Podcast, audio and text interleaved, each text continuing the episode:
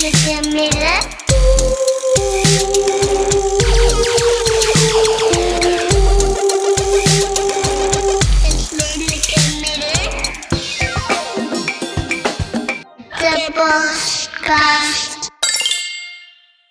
Welkom bij de vijftiende aflevering van Het Redelijke Midden. De enige podcast die tevens dienst doet als kraamkamer van gepast alarmistische bewustwordingscampagnes die pogen de neoliberale apocalyps nog een maand of wat uit te stellen. Ik ben Jaap Strongs, bekend van zijn Twitter-account met speciale panic mode. En mijn co-host van vanavond zijn Pim van den Berg, Yo. die u kent van zijn onge... Oh, daar, daar was hij. Van zijn ongeëvenaard vermogen om subtiele linkse propaganda te verwerken in Twitch-streams. En de onvolprezen Kelly Mostert. Joe. Eh, voorvrouw van actiegroep Containment Nu. En inmiddels vaste kracht bij, eh, bij onze podcast Het Redelijke Midden. Eh, absent is onze man in Amerika, Thijs Klempaste. Die eh, ongetwijfeld volgende week eh, wel weer zijn opwachting zal maken. Hij heeft Thijs vrij. Hij heeft Thijs vrij. Juist. en te gast is deze week Hugo Emmerzaal. Hallo. Die als, eh, als redacteur van de Filmkrant en vaste medewerker van Gonzo eh, schrijft over nieuwe tendensen in eh, allerlei vormen van cinema en avontuurlijke experimentele muziek. Is dat een correcte weergave van jouw voornaamste bezigheden, Hugo? Zeker, zeker. Kan ermee door. Ik, ik heb hem volgens mij van je website geplukt, dus het was ook raar geweest als het niet zo was. Maar Dan had ik heel snel mijn website moeten updaten, ja. ja, ja. Nou, oké. Dan gaan we het zo meteen, eh, we gaan het zo meteen hebben over ehm, jouw ehm, eh, nou ja, favoriete eh, topics, over ehm, eh, cinema en dergelijke. Ja. Ehm, eerst even de vraag, is, eh, is iedereen eh, bij jullie, eh, is iedereen nog oké? Geen eh, ziektegevallen of, eh, of hoest en dergelijke? En een beetje bekomen van eh, nou ja, de, alle gebeurtenissen van de afgelopen week? Ja, wij- weten het misschien wel een beetje van elkaar, maar ik ben benieuwd hoe Hugo, eh, hoe, hoe het met jou gaat. Ja, eigenlijk over het algemeen best goed. Ben gezond. ehm, ben veel aan het brood bakken en koken. Naast heel veel films kijken en schrijven. En ik ben gisteren met de fiets. Ik woon in Amsterdam. En ik ben naar Broek in Waterland gefietst. Ehm, Wauw. Vraag me niet waar het is, maar het was heel mooi. En eh, de weg er naartoe was bijna mooier dan de bestemming. Dus eh, ja, het gaat best wel goed. Oké, Ja, klinkt goed. Gewoon de fiets eh, pakken en erop uittrekken, dat is iets wat nog wel eh, geoorloofd is volgens mij. Hè? Als je Het is maar- geoorloofd en het is eigenlijk... Ik ben eh, samen met mijn vriendin heel vroeg in de ochtend gegaan. En dan is er ook dus gewoon echt in de stad bijna niemand. Het was echt eh 28 days later-achtig territorium bijna. en dat is heel erg bevredigend, want dan ben je wel de stad uit. Dus het voelt niet alsof je opgesloten of geïsoleerd bent. Het platteland op dit moment is een van de chillste plekken om te zijn. Goed voor de frisse lucht en de vitamine D. Dus eh, ik kan het eigenlijk iedereen aanraden.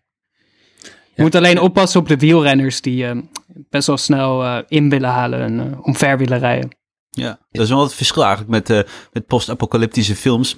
Is dat het hier, dat, dat je enerzijds wel die, die, nou ja, die vibe hebt van, van een, eh, Verlatenheid. een ramp die zich aan het vol- voltrekken is of volt- zich vol, heeft volt- voltrokken. Maar dat het aan de andere kant in bepaalde opzichten het leven heel vredig is. Iedereen, ik heb gewoon een gezellig, je zit gezellig thuis. eh, In mijn geval kinderen en inderdaad eh, broodjes bakken en dat soort dingen. En aan de andere kant zit er regelmatig onder de oppervlakte zo'n gevoel van sluimerend eh, onheil. Of dat zich opbouwt en soms ook eh, eh, nou ja, naar boven werkt. Ja, dus eh, dat, dat, dat- eh, ik, ik moet mezelf nog een beetje zien, opnieuw zien te verhouden tot, de, tot deze werkelijkheid, volgens mij.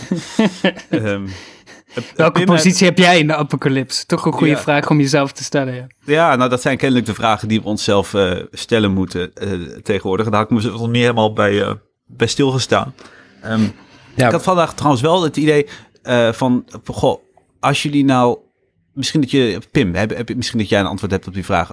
Stel nou je Altijd. had eh, geweten eh, dat je eh, drie maanden geleden had geweten dat je moest voorbereiden op een pandemie. Mhm. Met alles wat daarbij hoort. Had je, wat, voor voorbereiding had je dan getroffen? Ehm, ik neem aan dat we nu uitsluiten het volk inlichten en zorgen dat de juiste voorzorgsmaatregelen worden getroffen. Ja, kijk, dat is precies, dat sluiten we uit. Oké. Maar meer van voor, voor je persoonlijk leven. Ehm, ik denk dat ik mijn karaokefeestje zou hebben gehouden. Want ja, jij en ik eh, hebben de diepste sneuheid ervaren afgelopen week. We waren allebei jarig en we hadden geen feestjes. Nee. Ik had even een, eh, een, een borrel met een paar vrienden via, via FaceTime. En Ja. dat ging nog best wel goed eigenlijk. Maar eh, ja, goed, dat heb je na een half uur. moeten er ook weer andere dingen gebeuren. Ja, hebt- Hoe heb jij het gevierd, eh, Pim? Nou, vrienden, hadden van mij, eh, vrienden van mij hadden dus stiekem ehm, nachos laten bezorgen en brownies. Oh. En bedankt voor de dappere, dappere voedselbezorgers die nog steeds de straten trotseren en contact met mensen. Ja, troopers. Ik hou van jullie. Ehm, en dat was gewoon een lieve verrassing. En we kregen ook eh, van de luisteraars in de Discord hier, onze kleine, het redelijke middengemeenschap, kregen Jaap en ik allebei een speciale aflevering. Die ieder had opgenomen met verjaardagswensen. En dat was zo lief. Ja, Ah. super lief, ja. ja. Ja. Waar we volgens mij ook jou, Kelly, voor moeten bedanken eh, voor deze nog een keer. Nou, dat was vet leuk om te doen. Dus eh, geen En zullen, we eens, zullen we eens even terugblikken op de afgelopen week? Want eh, de, naam Kelly, jij en, en ik, ze hebben, we hebben nog wat een en ander met een hele groep mensen op poten gezet. Ehm, tenminste, ja, de vorige week, de, de, we hebben testen, testen, testen.nl ge- aangekondigd in de, in de aflevering van een week geleden. Hm. Ehm, en die is toen gelanceerd, die maandag. Ehm, even kijken, het is, er is echt zoveel gebeurd. Kijk, het, wat me vooral toen, wat toen vooral speelde, is dat er, dat er nog helemaal geen eh, urgentie leek te worden gegeven aan het belang van, van het grootschalig eh, en, en preventief testen. Ehm, en nou ja, dus besloten om daar eerst maar eens een, website voor in de, in de lucht te gooien. Eh, en die volgens mij nu een kleine, die zal, hoeveel ondertekeningen heeft die? Kleine 10.000 of zo? Ja, zoiets. Dus moeten we kijken. En, ehm, ik, ehm, en daarna hebben we nog containmentnu.nl gemaakt. Om het een beetje uit te bouwen naar een soort actiegroep die ehm, zich inzet voor het verleggen van de strategie van dat, dat, nou ja, dat rare, die rare strategie die Nederland nu lijkt te voeren. Ook al als enige in Nederland of eh, enige in de wereld lijkt het wel eh, met een soort ja, eh, groepsimmuniteit, maar toch niet. Eh, oh, eh, het, is, het is nog steeds een beetje onduidelijk eh, wat, eigenlijk, wat eigenlijk de theorie erachter is. En ik vond het, ik heb het in ieder geval ervaren als heel eh, bevreemdend. En zelfs vooral ook het moment, die maandagavond, dat Rutte die toespraak hield. Eh, en ik al een aantal dagen zat met wanneer komt nou een strengere lockdown? Waarom wachten we nog een weekend? Waarom hebben we nog een weekend gewacht tot de, eh, de week daarvoor, voordat de, de scholen dichtgingen en voordat de, de, de eh, cafés dichtgingen? Ehm, maar die toespraak van Rutte, waarin hij zei: eh, we, ja, we, we gaan, de, meeste van ons gaan gewoon besmet raken. En daarna ook eh, de koning, eh, koning Willem-Alexander, die zei: ehm, De strijd met corona valt niet te winnen. Ik heb dat als zo'n zo'n bevreemdend ervaren, omdat iedereen het eh, heel erg presidentieel vond. Ja, En ik, eh, ik merk ook dat ik. eh, eh, mijn, mijn tijdsbesef klopt ook volgens mij helemaal niet. Want is het niet al een week eerder dat, het, eh, dat Rutte die toespraak gaf? Of al die speeches beginnen door elkaar te lopen, volgens mij. Het concept tijd is, ja, is heel erg eh, veranderd. Maar ik kan me wel herinneren dat jij op een gegeven moment zei van ja, de aankomende twee weken zijn cruciaal. En dat was precies twee weken terug. Ehm, volgens mij. Dus ik denk wel inderdaad dat toen, ja, twee weken terug heeft eh, Mark Rutte die toespraak gehouden. Ja, precies. Twee weken geleden wa- was die, was die lockdown. En me- toen dacht ik wel van, eh, er, moet, er moet nu, de, de teller begint nu te lopen. Nu begint die exponentiële groei. En, ehm, eh, maar het, het, het feit dat, nou ja, dat er vooral ook... ehm, ik, heb, ik, ik voelde me heel erg, eigenlijk heel erg alleen. Ook omdat er namelijk de, de linkse oppositie niet kritisch was over het feit dat, eh, dat Nederland gewoon in, in tegenspraak met de WHO, met de Wereldgezondheidsorganisatie, eh, niet inzetten op grootschalig testen. Ook steeds Hm. een stap lager, eh, later was met, eh, met van die lockdown-achtige maatregelen. En ehm, het- dat er. Ja, dat ze dat ook. Het bleek ook dat ze dat niet wilden. eh, de situatie niet wilden politiseren. Ehm, en dat er. Ik ben zo weinig die, die kritische geluiden die er waren, maar bijna niet doorkwamen in het, in het, in het, in het publieke debat. Ik, Ja. ehm, ik, ik vond het heel erg bevreemdend en, en surrealistisch. Eh, Wat, wat, wat jij, Kelly? Ja, ehm, ja, het is vooral. Een groot gevoel van machteloosheid eigenlijk. Ehm, ik heb ook een beetje nagedacht van waarom, ja, waarom ben ik ja, aangehaakt met die campagne. Ehm, maar mijn grootste gevoel van machteloosheid komt eigenlijk dus echt ook van wat jij zei, van die linkse oppositie, die nu ook eh, tijdens de coronacrisis gewoon compleet tandeloos zijn. van, hè, van insiders binnen GroenLinks weten we bijvoorbeeld dat ze de crisis niet willen politiseren. Uh, whatever that means, alsof dit niet politiek is. Um, ze willen de overheid gewoon hun werk laten doen. Uh, ze zijn bang voor de associatie ook met extreem rechts, omdat nou ja, PVV en FVD ook hebben aangedrongen op het testen en een strengere lockdown. Dus die doen gewoon helemaal niks. Die zijn helemaal ook lam geslagen, lijkt het. En uh, terwijl er op, ja, in Nederland is er is zich nu gewoon stilletjes een ramp aan het voltrekken. En uh, het is niet, het voelt surreëel, want het is niet een ramp uh, zoals 9-11 of de tsunami of zo, waar we echt mee kunnen kijken of beelden van hebben. Maar het gebeurt voornamelijk, voornamelijk in hele intieme settings bij mensen thuis. Uh, ook op intensive cares natuurlijk, maar daar wordt niet ieder ja. risicogeval toegelaten. Dus we varen compleet blind, want er wordt niet of nauwelijks getest. En ja, dan op een gegeven moment je kan toch daar niet stil over zijn. Um, en ik wil ook aanhaken op dat gevoel wat je zei. Um, ja, dat je een beetje de enige leek. Um, want je hebt best wel wat shit over je heen gekregen. Ik weet niet of je daar iets over kwijt wil. Ja. nou, kijk, om te beginnen. Uh, de aanleiding van die speech van, van Rutte. Toen heb ik zelf even getwitterd van. Um, nou, even vergelijkt met. met met, met wat Trump doet. Bij, bij, bij, en, en Trump, dat is allemaal wat explicieter, wat duidelijker. Die zegt gewoon tegen hele staten van, oh, ben je kritisch op mij? Ik, uh, ik stuur je geen, uh, uh, ik stuur je geen IC-bedden of apparatuur. Mm. Die, die is gewoon heel expliciet in het, um, in, in, het, in, in allerlei zaken. Um, en daar zie je ook dat er dat ook te traag wordt gereageerd. Terwijl ook sneller had, uh, had gehandeld had kunnen worden. En daar, daar wordt ook. Als ik, ik, zocht ook op het woord genocide. En dan zag je dat heel veel mensen, zo hm. over de Nederlandse situatie, maar ook over, uh, over de Amerikaanse situatie, gewoon hem daarvan beschuldigen. En, ja. Um, nou ja, en ik, kijk, ik dacht, ik was ervan overtuigd, en ik ben er eerlijk gezegd van overtuigd, dat bewust is gekozen voor een strategie die veel meer mensenlevens kost dan anders het geval uh, zou zijn geweest.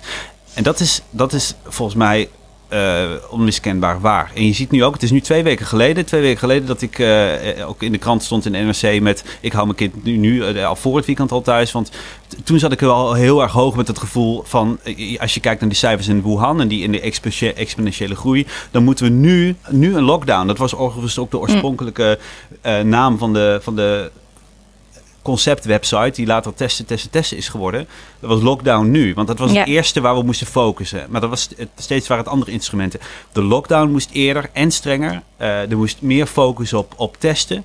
Er is nog een derde ontbrekende pijler, namelijk het traceren. Je moet mensen traceren, dat kun je met mensen doen. Um, of, of je kunt het met apps doen.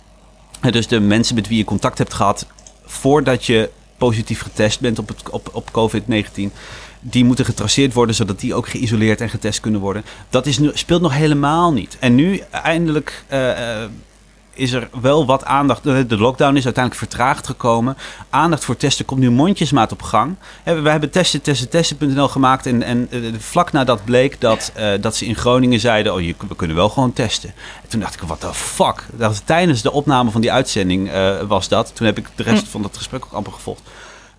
Ah. Want ik, uh, ik, was helemaal, ik was helemaal in adrenaline-modus.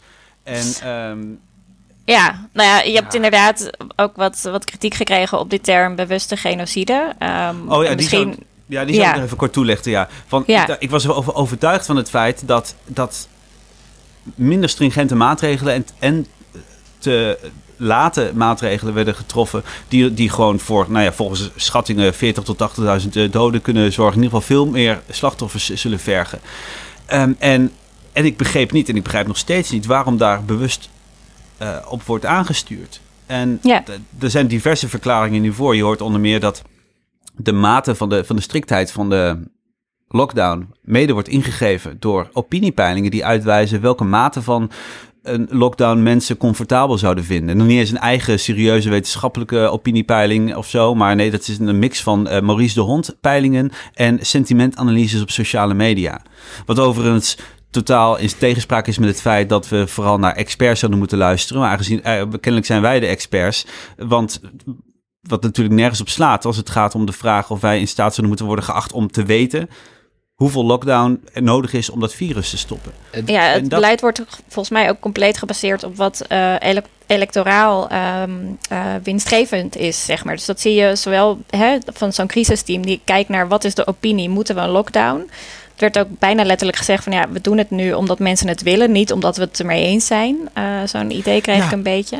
En ja, ook links het doet, is ook alleen maar bezig met electoraal gewin. Ze willen de overheid niet afvallen omdat dat ze een slechte look geeft. Ja, dan Dus- staan ze er eh, lelijk op inderdaad. Waarom? Dan staan, dan vanwege de angst voor de, het imago dat ze de, de, het- de crisis willen politiseren. In plaats van dat, dat ze gewoon het juiste doen. Ja, En dat, dat is ik wel... vond ja? Sorry, ik, ik, ik breek keihard in, maar ik vond daarom Sure. die speech van Rutte ook zo interessant, omdat eigenlijk het enige waar die echt op beloond wordt, is een soort schijn van competentie of zo. Weet je wel, zeker mensen, Ja. jij zet net Ja. ook al Rutte naast Trump, weet je wel, en dan is de, de verdienste van Rutte's speech heel erg duidelijk, van hij praat in, in heldere zinnen die afgemaakt zijn en een begin en een einde hebben, maar eigenlijk is het sentiment eronder niet heel erg anders. En daarom, vind- ik weet niet, ik vind het zelf ook totaal teleurstellend dat linkse politiek in Nederland eigenlijk op geen enkele manier dat durft uit te dagen. Want we gaan ervan uit dat competentie en de beste bedoelingen, en wat Rutte ook zegt, van ik reken op jullie, dat dat genoeg is. Dus dat gaat al uit van een soort totaal populistische manier van omgaan met dit. Daarom was ik zelf ook eigenlijk heel erg geschrokken toen die. ehm, toen dat klappen voor de hulpverleners eh, en de mensen in de zorg was. Wat ik, ik bedoel, solidariteit met mensen in de zorg. Maar ik vind het gewoon heel vreemd dat we. Ik weet niet hoeveel, hebben, hoeveel kabinetten van Rutte hebben we achter elkaar gehad. Hoe lang hebben we eigenlijk al een soort hardrechtse austerity in Nederland gehad in de zorg, in het onderwijs, in cultuur. En nu moeten we klappen en doen alsof het genoeg is. Het voelt, ehm, I don't know, het voelt op elk opzicht als tekort. Het is solidariteitstheater. Wat, er ook, eh, wat je ook merkt is dat waarom bepaalde maatregelen populair zijn, is volgens mij spreekt heel erg van de geïnternaliseerde neoliberale logica van heel veel mensen in Nederland. Dat ehm, wij het economisch niet zouden kunnen verduren. Dat de economie eenmaal niet in staat is om ehm, mensen te steunen die naar hun niet naar hun werk kunnen, of anders juist heel erg eh, in gevaar zouden kunnen komen.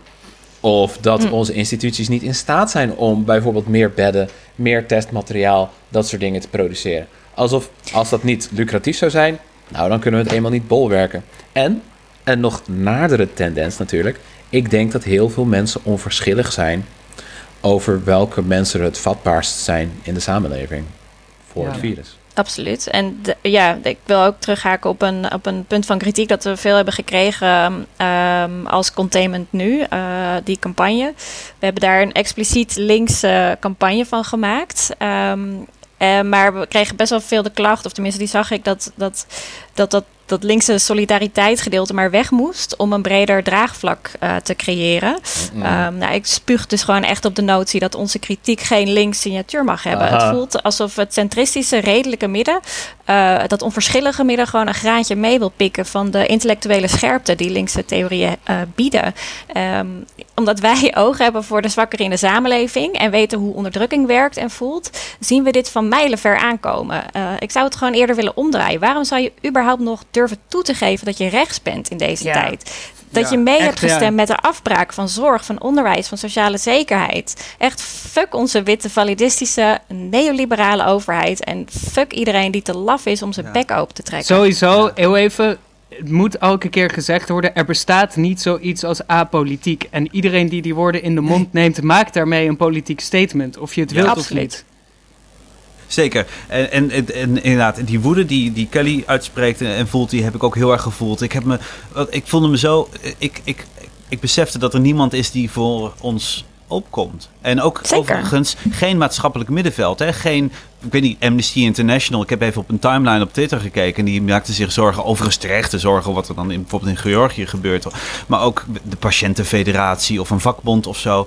Ehm, ja, ze, ze buiten zich wel vast in een soort een paar deelthema's. Maar de, de, de, de ramp die zich voltrekt in Nederland, doordat er op, op een in ieder geval in op hoog. Op, in ieder geval. In het gunstigste geval gewoon puur op een incompetente manier wordt omgesprongen met, met de volksgezondheid. Eh, daar, nou ja, daar lijkt niemand eh, om te geven. En, eh, en nou ja, dat, dat, dat, eh, dat heeft mij beangstigd op een manier die ik nog nooit heb gevoeld in mijn leven. Zeker, ja. De, de, eigenlijk dat gevoel van urgentie dat we al hadden, ehm, dat, ja, dat komt nu gewoon tot een kookpunt of zo. En, maar het is lastig dat we niet de straat op kunnen of, of, ehm, of iets. Dus ik, ja, ik ben ook met, hè, met die campagne, met jou, ja, ook gewoon heel erg bezig met van oké, hoe kunnen we hier uiting aan geven? Want we hebben heel veel te zeggen, maar wie, wie kunnen we bereiken en wat heeft zin? Gaan we de linkse oppositie eh, aanspreken? Gaan we, worden we meer een mediaplatform waar we echt gewoon echt het, het, de feiten naar buiten willen krijgen? Ik vind dat nog best wel moeilijk om, eh, ja, om te denken van oké, wat heeft nou zin? Ja. ja, je merkt ook dat het geluid ook heel moeilijk re- resoneert. Dat het niet echt een podium eh, krijgt. Dat een persbericht over, eh, je kunt 10.000 ondertekeningen hebben. Die eh, individueel vinden mensen wel, oh ja, testen is heel, heel belangrijk. Maar het lijkt niet, het, dat geluid dat, er, dat Nederland ook gewoon aantoonbaar slecht bezig is. Dat er dingen worden gedaan op veronderstellingen die bestreden worden. Op, op, ook op de besmettelijkheid van mensen, op het belang van testen. nou, echt van alles en nog wat. Daar, daar, daar, er is geen ontvankelijkheid voor een geluid dat, dat strijdig is met de uitgedragen lijn van RIVM en, en overheid. Dus ehm, ik, ik, ik weet ook niet zo goed hoe, dat, ehm, eh, hoe we dat kunnen, kunnen doen groeien. Mag ik, eh, dat- mag ik daarmee een beetje hoopvol koffiedik kijken? Ja, ik, ik ben redelijk optimistisch over linkse zaak. We gaan er in het volgende item natuurlijk ook nog eh, op terugkomen met betrekking tot de filmindustrie. Ehm, Zo'n crisis is echt een moment voor ehm, machtsconcentratie. Wanneer wij verward, verdeeld en kwetsbaar zijn, kunnen er machtige, rijke instanties ermee vandoor gaan. Maar de materiële werkelijkheid van het coronavirus laat volgens mij niet echt andere mogelijkheden toe dan meer solidariteit. Want we zijn voorlopig nog hiermee bezig. Zolang er geen vaccin is, wat dus makkelijk anderhalf jaar kan duren, zal er altijd een gradatie van controle moeten bestaan. Niet alleen gemeenschappelijke verantwoordelijkheid, zoals eh, in Nederland van ons wordt verwacht, omdat de staat ons een beetje teleurstelt, maar ook vanuit de staat zelf. Ik zei het eh, bij de eerste aflevering die we maakten toen het echt een probleem begon eh, te worden in Nederland. Je kan je niet door het coronavirus heen bluffen met nationalistische sprookjes of eh, met wat dan ook. Er gaan zeker nog lang mensen ziek worden en mensen dood. En dat zijn mensen die wij lief hebben en mensen die noodzakelijk zijn. Op wat voor manier dan ook in de samenleving. En nut terzijde, het zou gewoon niet moeten gebeuren. En naarmate we daar constant mee geconfronteerd worden, dat we onszelf in gevaar moeten blijven brengen, dat geliefden zichzelf in gevaar blijven brengen, kan er geen ander beeld ontstaan dan dat we teleurgesteld raken. Dan dat we teleurgesteld worden door die, de staat die ons zou moeten beschermen hiertegen. En wat moeten we dan? Fascisme helpt niet, want Trump en Bolsonaro maken het nog pompen. Die Nee, zorgen voor ziet- nog meer ravage. Ja, je ziet dat de bluff inderdaad niet werkt en dat de bal dan het schip eh, keert. Eh, dat, en dat is wel het, het, rare ook, dat, ehm, eh, dat ze het nog wel proberen. Dat ze denken, ah, eh, eh, het loopt wel los. We hebben het onder controle, we hebben een hele moderne gezondheidszorg. En later eh, we, terugblikkend op de uitbraak in Brabant gezegd... ja, toen bleek eigenlijk dat we niet de infrastructuur hadden om, om, om grootschalig te testen. Ehm, en dus hebben we, zijn we maar omgeschakeld naar een soort van eh, geleidelijke toelatingsstrategie. Wat overigens een huiveringwekkende keuze is. Eh, dat is, moet ik nog even benoemen. Hè. De, de keuze voor een strategie waarbij je het virus maar geleidelijk toelaat. Totdat je nou ja, een groot deel van Nederland be- besmet raakt. In plaats van dat je niet eens een poging doet om het te stoppen. Maar ook dat- alsof er een andere optie is. Ik bedoel, ja, dat virus verspreidt zich. Dat is gewoon een gegeven. Dat je, ja, ik vond het een hele bijzondere keuze dat we dat gecontroleerd toelaten. Van ja, nee, wat gaan jullie eraan doen? Het, het gaat zich verspreiden. Ja, als, doen alsof dat onderdeel is van je strategie. Ik vind het echt mind-blowing. Ik wil er nog één ding op toevoegen. Wat Pim zegt is waar. Er is iets hoopvols. En er, je ziet inderdaad dat er een breekpunt is in eigenlijk de incompetente manier met hiermee omgaan. Maar het is dan ook wel heel erg belangrijk. Want eh, wat Kelly zegt is ook waar. We kunnen niet de straat op. Mobilisatie in de fysieke zin is nu even onmogelijk. Dus het is wel heel belangrijk dat mensen elkaar er echt digitaal en online op wijzen dat dus er een incompetentie is. En dat we mensen moeten blijven herinneren aan wat de menselijke kost van deze maatregelen zijn. Want die, Ja. hoopvol, die hoopvolle eh, dingen die Pim aanstipt, die Ja. moeten we ook dus benutten. En die moeten ook constant geadresseerd worden. Anders Ja. is het alsnog mogelijk om ze te twisten. Want we zitten nog steeds, wat ik eerder zei, op dat hellende vlak. Ik bedoel, het is nog niet Trump. Dus het is nog niet zo erg, toch? Zo kan je het ook zien. Ja, maar Ja. Ook, ook in Amerika is er weinig echt protest. Eh, ehm, en ik denk ook dat als, hè, als de koffiedik kijken van Pim eh, klopt, moeten we er echt voor waken dat. eh, dan, dat betekent namelijk dat de, bijvoorbeeld de parlementaire verkiezingen eh, eh, binnenkort eh, in 2021 heel belangrijk worden. Ehm, en dat, dat het ons niet afgepakt mag worden, dat ze niet de verkiezingen gaan uitstellen. Of dat het narratief gekaapt wordt van, eh, nou, maar de overheid doet het goed, we moeten ze hun werk laten doen. Eh, dit is een crisis, we kunnen nu even niet veranderen van bestuur. Ehm, daar moeten we gewoon heel erg voor waken, denk ik. Ja.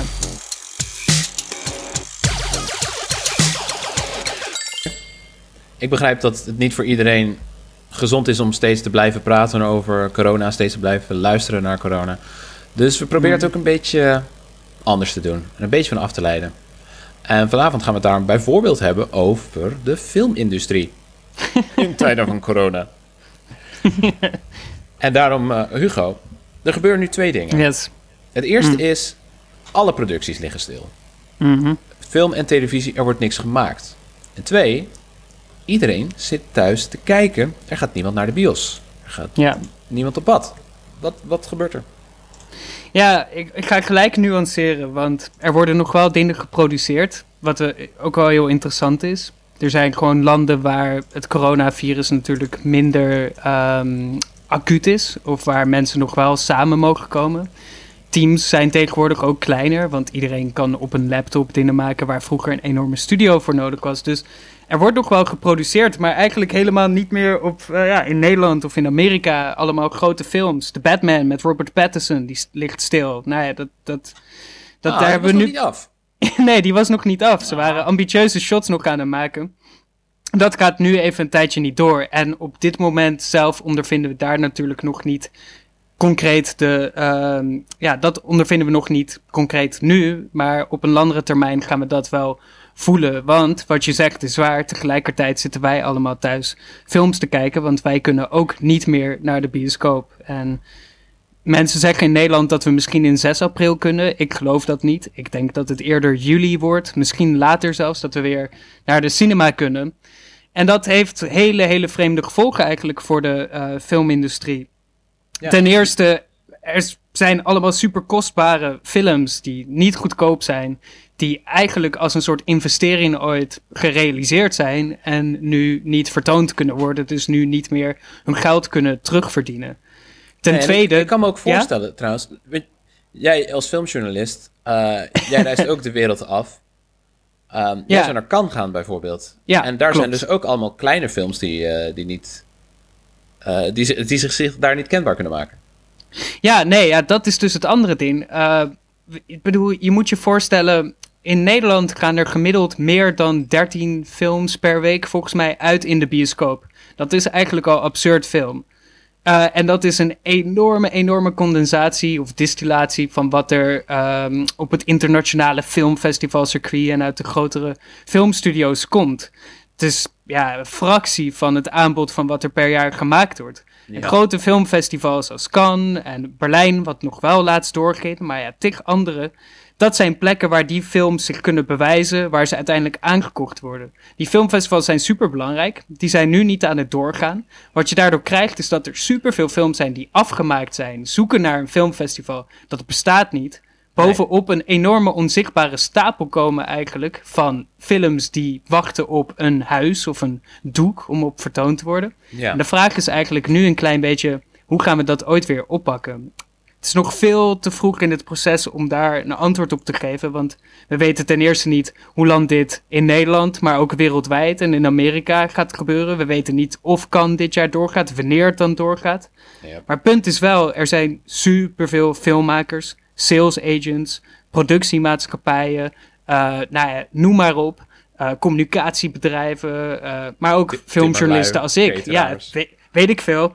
Die allemaal nu een klein beetje zitten te knijpen. Want ja, shit, als er geen films meer zijn, dat our bread and butter, weet je wel. Dus ehm, hoe verder? Ja, want er zijn twee mogelijkheden dus die ik me zo snel kan bedenken. De eerste is, je stelt de bioscooplancering uit. Ja, Dat is moeilijk voor nou, alle productiemaatschappijen, alle distributeurs die geen inkomsten hebben. En ook Mhm. voor de bioscopen natuurlijk. Tweede, streaming. ja. Ja, wat je ziet in bijvoorbeeld een heel goed voorbeeld is Amerikaanse films. Een film als eh The Invisible Man. eh, Mhm. Redelijk goedkope horrorfilm, gemaakt voor 8 miljoen dollar. Van eh Blumhouse, die ook Get Out en zo hebben geproduceerd. Die gaat op VOD, maar die heeft het al goed gedaan in de bioscoop. Heeft er al meer Wat is dan VOD? VOD, video on demand. Weet je wel, je hem dat eh, is... eh, digitaal kopen. ja, je kan hem digitaal kopen of huren. Eh, maar die film heeft al 100 miljoen of 130 miljoen opgebracht in de box office in Amerika. Voordat het coronavirus echt daar ook voor die lockdown eh, zorgde. Dus die kunnen ze gewoon op eh, video on demand online zetten. Je kan voor 19 dollar die film online huren slash kopen of zo. Nou ja, dat, die gaan daar niet wakker van liggen. Maar ja, eh, bijvoorbeeld The Batman, weet je wel, met Robert Pattinson, die zou dat nooit kunnen doen. Want die film is gewoon te duur. En Ja. Avengers Endgame, die heeft vorig jaar 2,5 miljard euro of eh, dollar opgehaald. In alle box office over de hele wereld. Ja, dat zijn getallen die we op onze streaming accounts niet bij elkaar kunnen schrapen. Zeker niet als je je realiseert dat er heel veel mensen nu thuis zitten die zich zorgen maken over hun financiële situatie. Die überhaupt de huur niet kunnen betalen. Ja, het lastige is natuurlijk, hoe kan je dan een film van 19 euro wel digitaal veroorloven? Ja. Dus het, het, het komt, je, je benadrukt inderdaad ook een goed punt. Mensen zitten thuis met, minder, met meer onzekerheid en minder inkomsten. Dat betekent ook minder cultuurparticipatie. En Ja. niet alleen film daar, wordt daardoor getroffen natuurlijk. Ja, daarom zijn wij in de filmsector eh, wel heel erg bang, wereldwijd, maar ook in Nederland, dat we hier niet te maken zullen hebben met weer een kleine recessie, maar dat het echt een eh full-blown depressie kan worden als we hier uitkomen. Want eigenlijk kunnen we nog op dit vroege stadium net niet helemaal begrijpen wat de lange termijn gevolgen ervan zullen zien. Of zullen zijn. Maar wat we wel weten is dus het hele release-proces, waar eigenlijk het geld weer binnenkomt aan de, aan de voorkant, dat is nu uitgesteld eh, voor zolang Ja. dit gaat duren. En ondertussen moeten we ook ons soort van anticiperen op een toekomst waarin films weer gemaakt zullen worden. Dus die twee dingen lopen een beetje door elkaar. En ondertussen, ja, inderdaad, cultuurparticipatie. Mensen zitten nu wel gewoon thuis. Ja, een Netflix-account, die houden ze nu wel even. Want het is wel heel makkelijk om nu Contagion van Steven Soderbergh thuis te kijken. Wat ik heel erg snap. Maar dat is ook, ja, dat heeft enorme voordelen. Je ziet ook dat streaming-giganten zoals eh, Amazon en eh, Netflix en Disney Plus en zo, die krijgen nu veel meer subscribers. Tegelijkertijd cancelen mensen hun, hun televisieabonnementen, want ja, er is ook geen sport meer, weet je wel. Nope. Ehm, ja, dat het is, kan... sport, sport is echt eh, de, de, de, de gouden gans voor televisie. Hè? De, Ja, ja, ja. Zeker, zeker in Amerika. In Nederland zal het ook wel zo zijn met van die speciale eh, pakketten van Ziggo en zo. Ja, dat, die dingen worden eventjes minder relevant. En Netflix komt daarvoor in de plek. En dat is fijn voor veel mensen. Maar ik heb daar ook wel mijn bedenkingen bij op de lange Ja. Maar het- ik heb ja. ook wel het idee dat. ehm, ehm, ik vraag me een beetje af of het waar is dat, dat misschien mensen hun televisieabonnementen opzeggen. Of in ieder geval In Nederland. Amerika is het zeker zo. Ik weet niet hoe, in Ja. hoeverre dat in Nederland zo is. Want het, het lijkt me ook, of tenminste dat gevoel had ik. Ik ben eigenlijk weer een klein beetje meer begonnen met televisie kijken, gek genoeg. Omdat ik een soort van toch wel heel graag die live updates eh, van het nieuws wilde. Ja. Ehm, en ja, gewoon ook wat breder. Want ik, ik ben gewoon zat om ieder artikeltje aan te klikken in de NOS. Ik wil gewoon alle updates nu weten. Maar je, je moet je Ehm. wel realiseren dat, weet je wel, het nieuws kijk je waarschijnlijk op NPO eh 1. En dat is in principe gewoon, heeft elk huishouden heeft daar toegang toe. Maar het gaat heel erg om die extra pakketten van de meest. HD-versie, kabel-tv. De meest HD-versie Ja. van eh, de, weet ik veel, de Premier League of zo. Ja, sorry, die is er niet, weet je wel. Dus waarom heb je dat abonnement? Ja, maar ik bedoel ook meer te zeggen van... Oké, misschien komt de waarde van publieke televisie weer Ja. een beetje in het vizier. Van, hè, we moeten wel echt één informatiestroom hebben... waar we allemaal dezelfde, in ieder geval dezelfde updates krijgen van de situatie.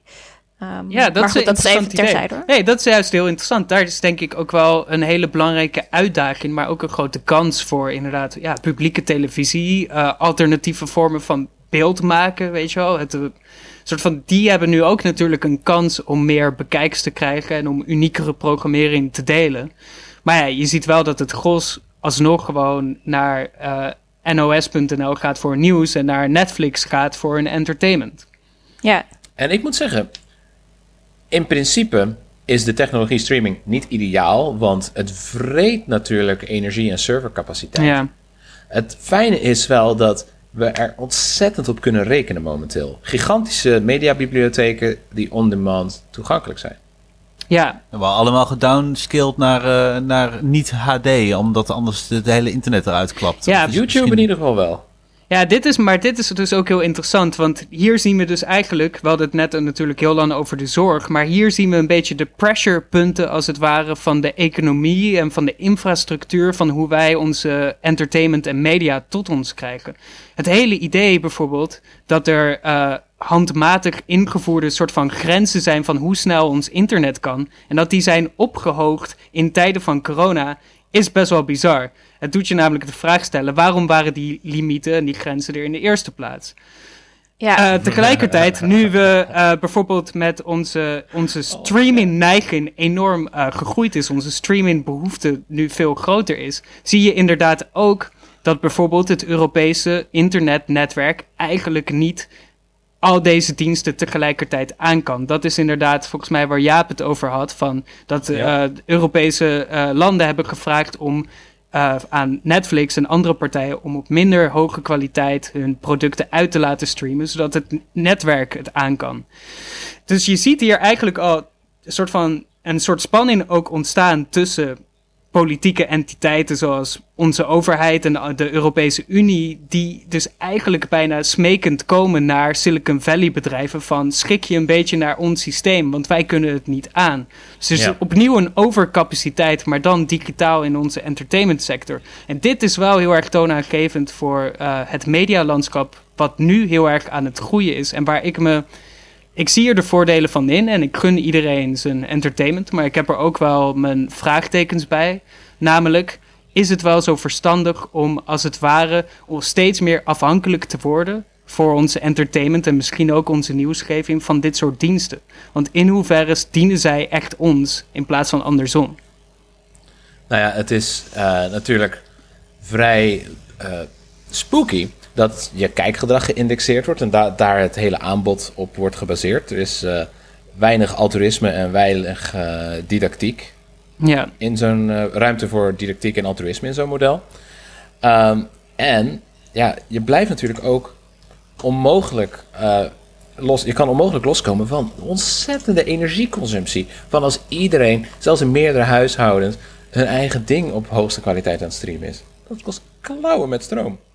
Ja, ja, ja, precies. Nee, ik vind het altruïsme-punt en als inderdaad wat je zegt, een soort van machtsconcentratie ook van hoe die diensten werken, is voor mij natuurlijk een beetje lastig. Want mijn werk als filmjournalist, ik schrijf voor een papieren tijdschrift, de Filmkrant. Het hoort Ja, elke maand.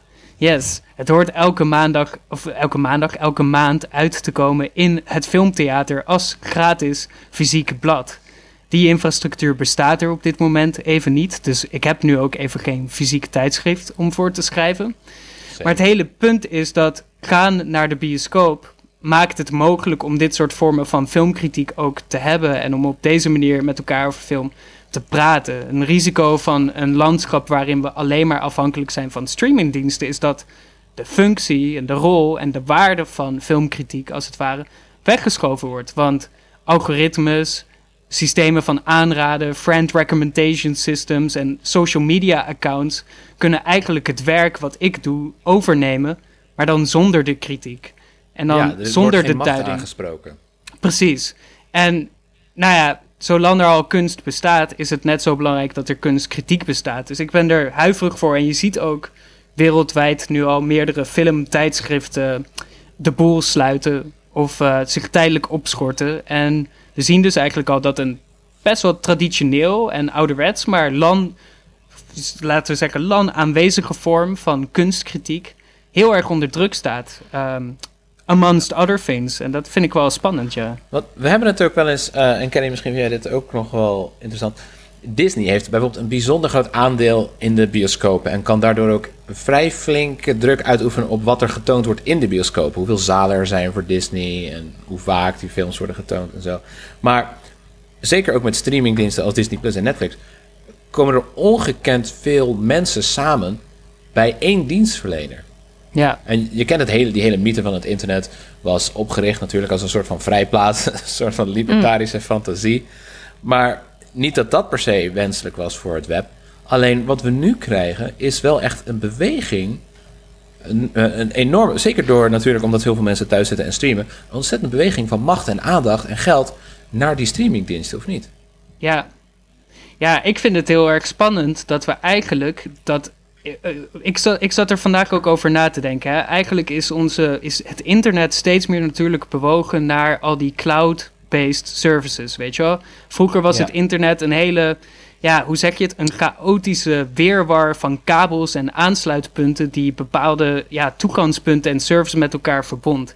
Eigenlijk is dat al heel erg lang geconcentreerd in de vorm van de cloud, weet je wel? Er zijn centrale datacenters waarin alles gebeurt. Waarin Amazon heeft er een, waarin allemaal films gehost worden voor tig verschillende streaming services. En misschien zit ook een deel van een, een Ja. social media netwerk erop en een deel van dit. I mean, alles zit bij elkaar.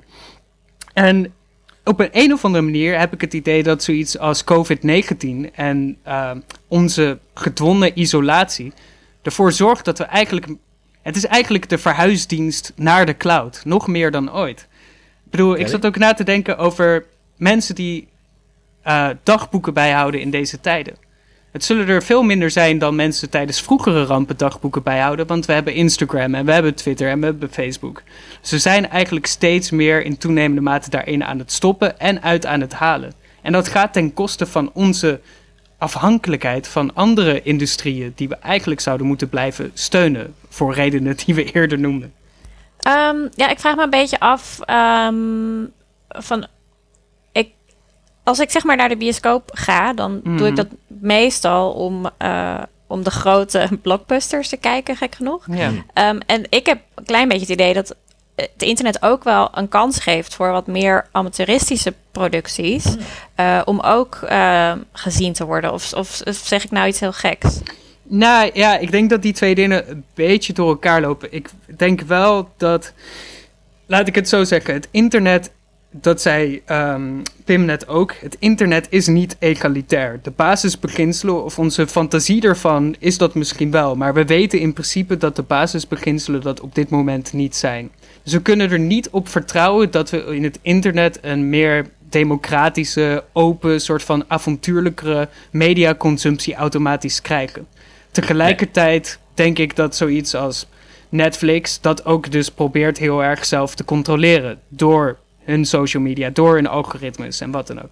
Tegelijkertijd wat je zegt is waar. Mensen hebben meer vrije tijd voor handen. Er zijn superveel goedkope slash gratis alternatieven voor Netflix. Er zijn allemaal filmmakers, bekende en minder bekende, die hun films gratis op Vimeo zetten. Wat geweldig Oh. is, weet je wel. Er zijn nieuwe Ja. online filmfestivals waar je gratis korte films kan kijken die heel erg experimenteel en cool en leuk en grappig en nieuw zijn, weet je wel. Dus het is er zeker, maar je krijgt wel weer een, hoe zeg je het, een eh, distributie van aandacht en eh, ruimte en bandwidthbreedte als het ware. Dat toch het, het een soort zwarte gat voor het soort van zuigt wel de aandacht naar de grotere titels of de titels die Netflix wilt dat we zien. Ik vertrouw overigens wel in iedereen's individuele, hoe zeg je het, mogelijkheid om te consumeren wat diegene zelf wil. Maar het is natuurlijk heel erg in de interesse van deze platforms om ons dat een beetje te ontnemen. Wat wij Ik dan, vond het ook best wel interessant. Sorry, nog één dingetje. Dat Mark Rutte heeft ook ergens in de afgelopen dagen gezegd... Van, nou, als ik thuis zou zitten, zou ik lekker Netflix kijken. Ehm, dat hij ook gewoon... Dat woord Netflix, dat is gewoon zo'n... ehm, ja, zo'n placeholder geworden eigenlijk. Het is gewoon een privaat bedrijf. Er zijn ook andere bedrijven, zoals Videoland.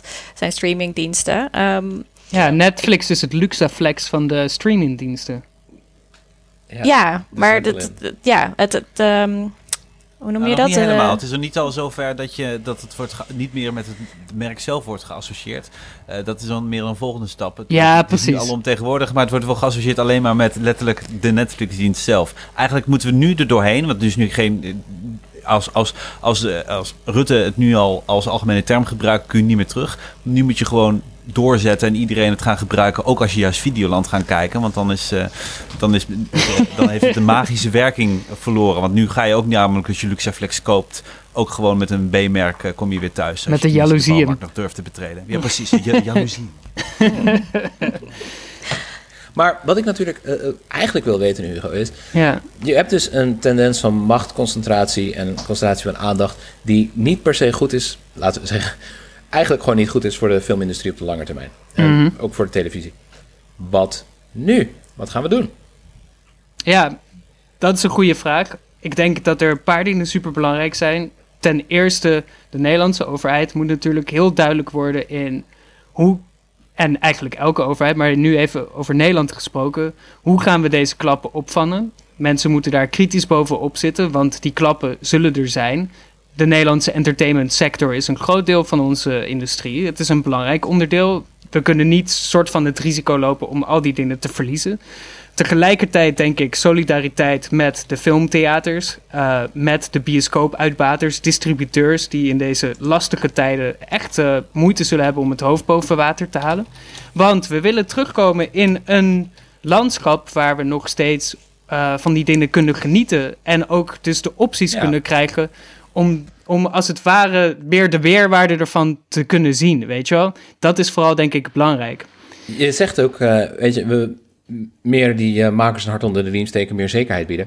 Maar eh, onze minister van Cultuur, Ingrid van Engelshoven, die zei eh, dat ze eigenlijk het lekker rustig heeft nu. En dat ze nog een lekkere frisse neus heeft gehaald. Alsof er niet zoveel werk is voor de minister van Cultuur. Ja, ik vind dat heel vreemd. zich voltrekt. Ik vind dat heel vreemd. Ik denk juist dat dit een enorm hoofdpijndossier zou moeten zijn. Want wat we sowieso gaan krijgen is een enorme influx bij fondsaanvragen. Eh, we gaan natuurlijk krijgen. Allemaal makers willen nu natuurlijk, als ze niet kunnen filmen, dan willen ze ontwikkelen. Dus we moeten. Mensen willen meer schrijven, mensen willen meer researchen. Uiteindelijk is er een enorme stapel met films die ooit nog een keer moet uitkomen. Net zoals dat er ooit festivals zijn die een keer moeten gebeuren. Of ooit dat ene feestje in die club, weet je wel. Er is een enorme stapel met plannen die nog niet uitgevoerd is. Of producties die nog niet vertoond zijn. Dat moet allemaal geregeld uit, worden. uit, de interview, uit het interview bleek ook gewoon een enorme, enorm gebrek aan het vermogen of de, de wil om gewoon te hustelen, om gewoon het te regelen. Ze zegt, ja, die, die 20 miljoen of zoveel miljoen, ja, die, die heb ik niet hier ergens op de plank liggen. Ja, en, en, en België Oh, konden ze wel flink... eh, In, in België konden ze wel een flinke zak geld regelen. Maar ja, zij kunnen het daar per, per decreet regelen. En wij moeten daar een wetswijziging voor hebben. We daarvoor nodig. Dat is moeilijk, Ja. moeilijk. En Duitsland, iedereen zegt Duitsland 500 miljard. Ja, maar dat is voor de hele MKB. En, en dat is ligt wel wat, wat, eh, wat, wat gevoeliger en of wat, wat lastiger allemaal. En ehm, ja, volgens mij eh, was ze nu op het punt in het interview aangekomen dat ze het wel weer tijd vond om nog weer opnieuw een frisse neus te gaan halen. Ik vind dat zo het zorgwekkend. dat Ontsla die vrouw. Ontsla haar alsjeblieft. Treed af. Ik vind het heel ja, ontslaat het hele kabinet ook. En tegelijkertijd, bijvoorbeeld, weet je wel, we hebben het nu heel lang over Netflix als een machtblok. Maar het is een enorme multinational die hier praktisch geen belasting betaalt. Wij betalen met elkaar meer in deze ch- chatroom eh, aan een Netflix-abonnement per maand dan dat zij belasting in Nederland betalen. I mean, it shouldn't be that hard, weet je wel. Tegelijkertijd, bepaalde oplossingen, wat ik net al zei, weet je wel, ons leven wordt steeds meer afhankelijk van cloud-based services. Is dit niet eens het moment dat overheden over de hele wereld eens kritisch kijken? Wat Pim ook zegt, het zijn energieslurpende fort, forten bijna met eh, onze data erop. Is het niet een keer tijd dat we denken over hoe we dat democratisch in beslag kunnen leggen? Kunnen we niet Nou. soort van dat nationaliseren of internationaliseren, maar op zijn minst democratisch collectiviseren. En op die manier, als het ware, het verhuren, geld ermee verdienen en dat kunnen stoppen in subsidies of zo. I don't know. Dit is het moment dat we ook moeten nadenken over wat ons bezit is in de digitale wereld en hoe wij daar eigendom over kunnen krijgen. Oh, heerlijk. Gewoon inspraak in het aanbod van Netflix. Dat zou echt... Dat zou heerlijk zijn. I mean, Netflix hè? moet al verplicht werken aan eh, het investeren in de Nederlandse filmindustrie. Er moeten Nederlandse videoproducties van Netflix zijn. Maar waarom Ja. zou het daar alleen maar bij blijven? Waarom zou Netflix niet ook gewoon ons belastinggeld moeten geven? Want ze zijn hier nou eenmaal met een kantoor gevestigd. I mean, weet je wel, de, jou, de Disney. mogelijkheden liggen voor het oprapen, maar dan moeten we het nu herstructureren. Heer, heer.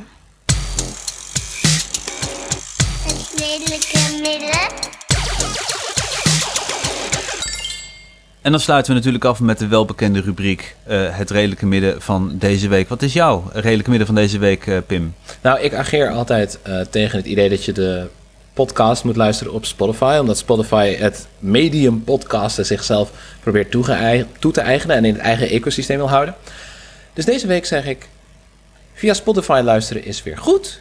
Maar alleen voor de prachtige muziek van onze kameraad Britney Spears.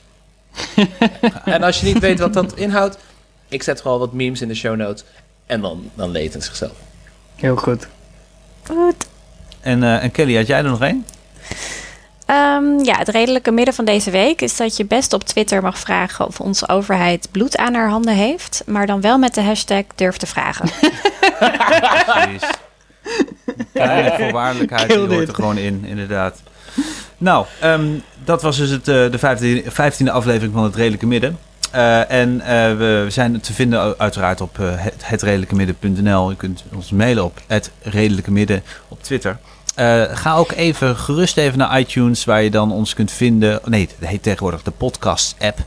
Eh, waar je ons kunt vinden en vijf sterretjes kan geven. Eh, elke podcast zegt altijd, het werkt echt. Ik heb geen flauw idee of dat zo is, maar doet u voor de Doe zekerheid. het gewoon voor de Toch? zekerheid. Maar Doe het gewoon Je even. hebt toch niks te doen. Nee, op, voor het idee dat je toch een beetje eh, wat, wat, wat praktisch eh, kunt, kunt, kunt doen. eh, waar iemand wat aan heeft. Gewoon vijf sterretjes, hartstikke, hartstikke leuk.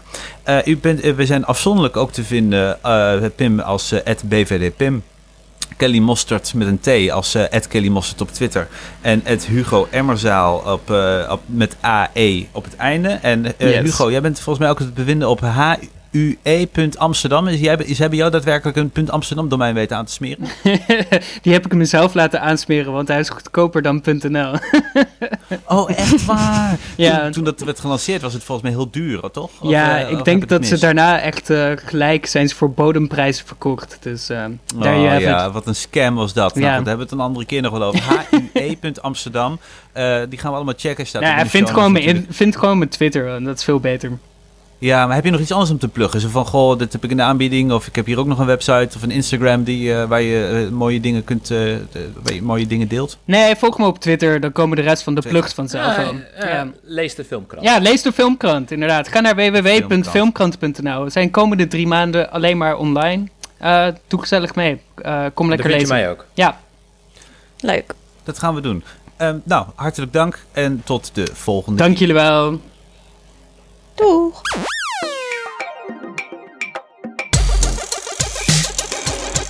Het midden.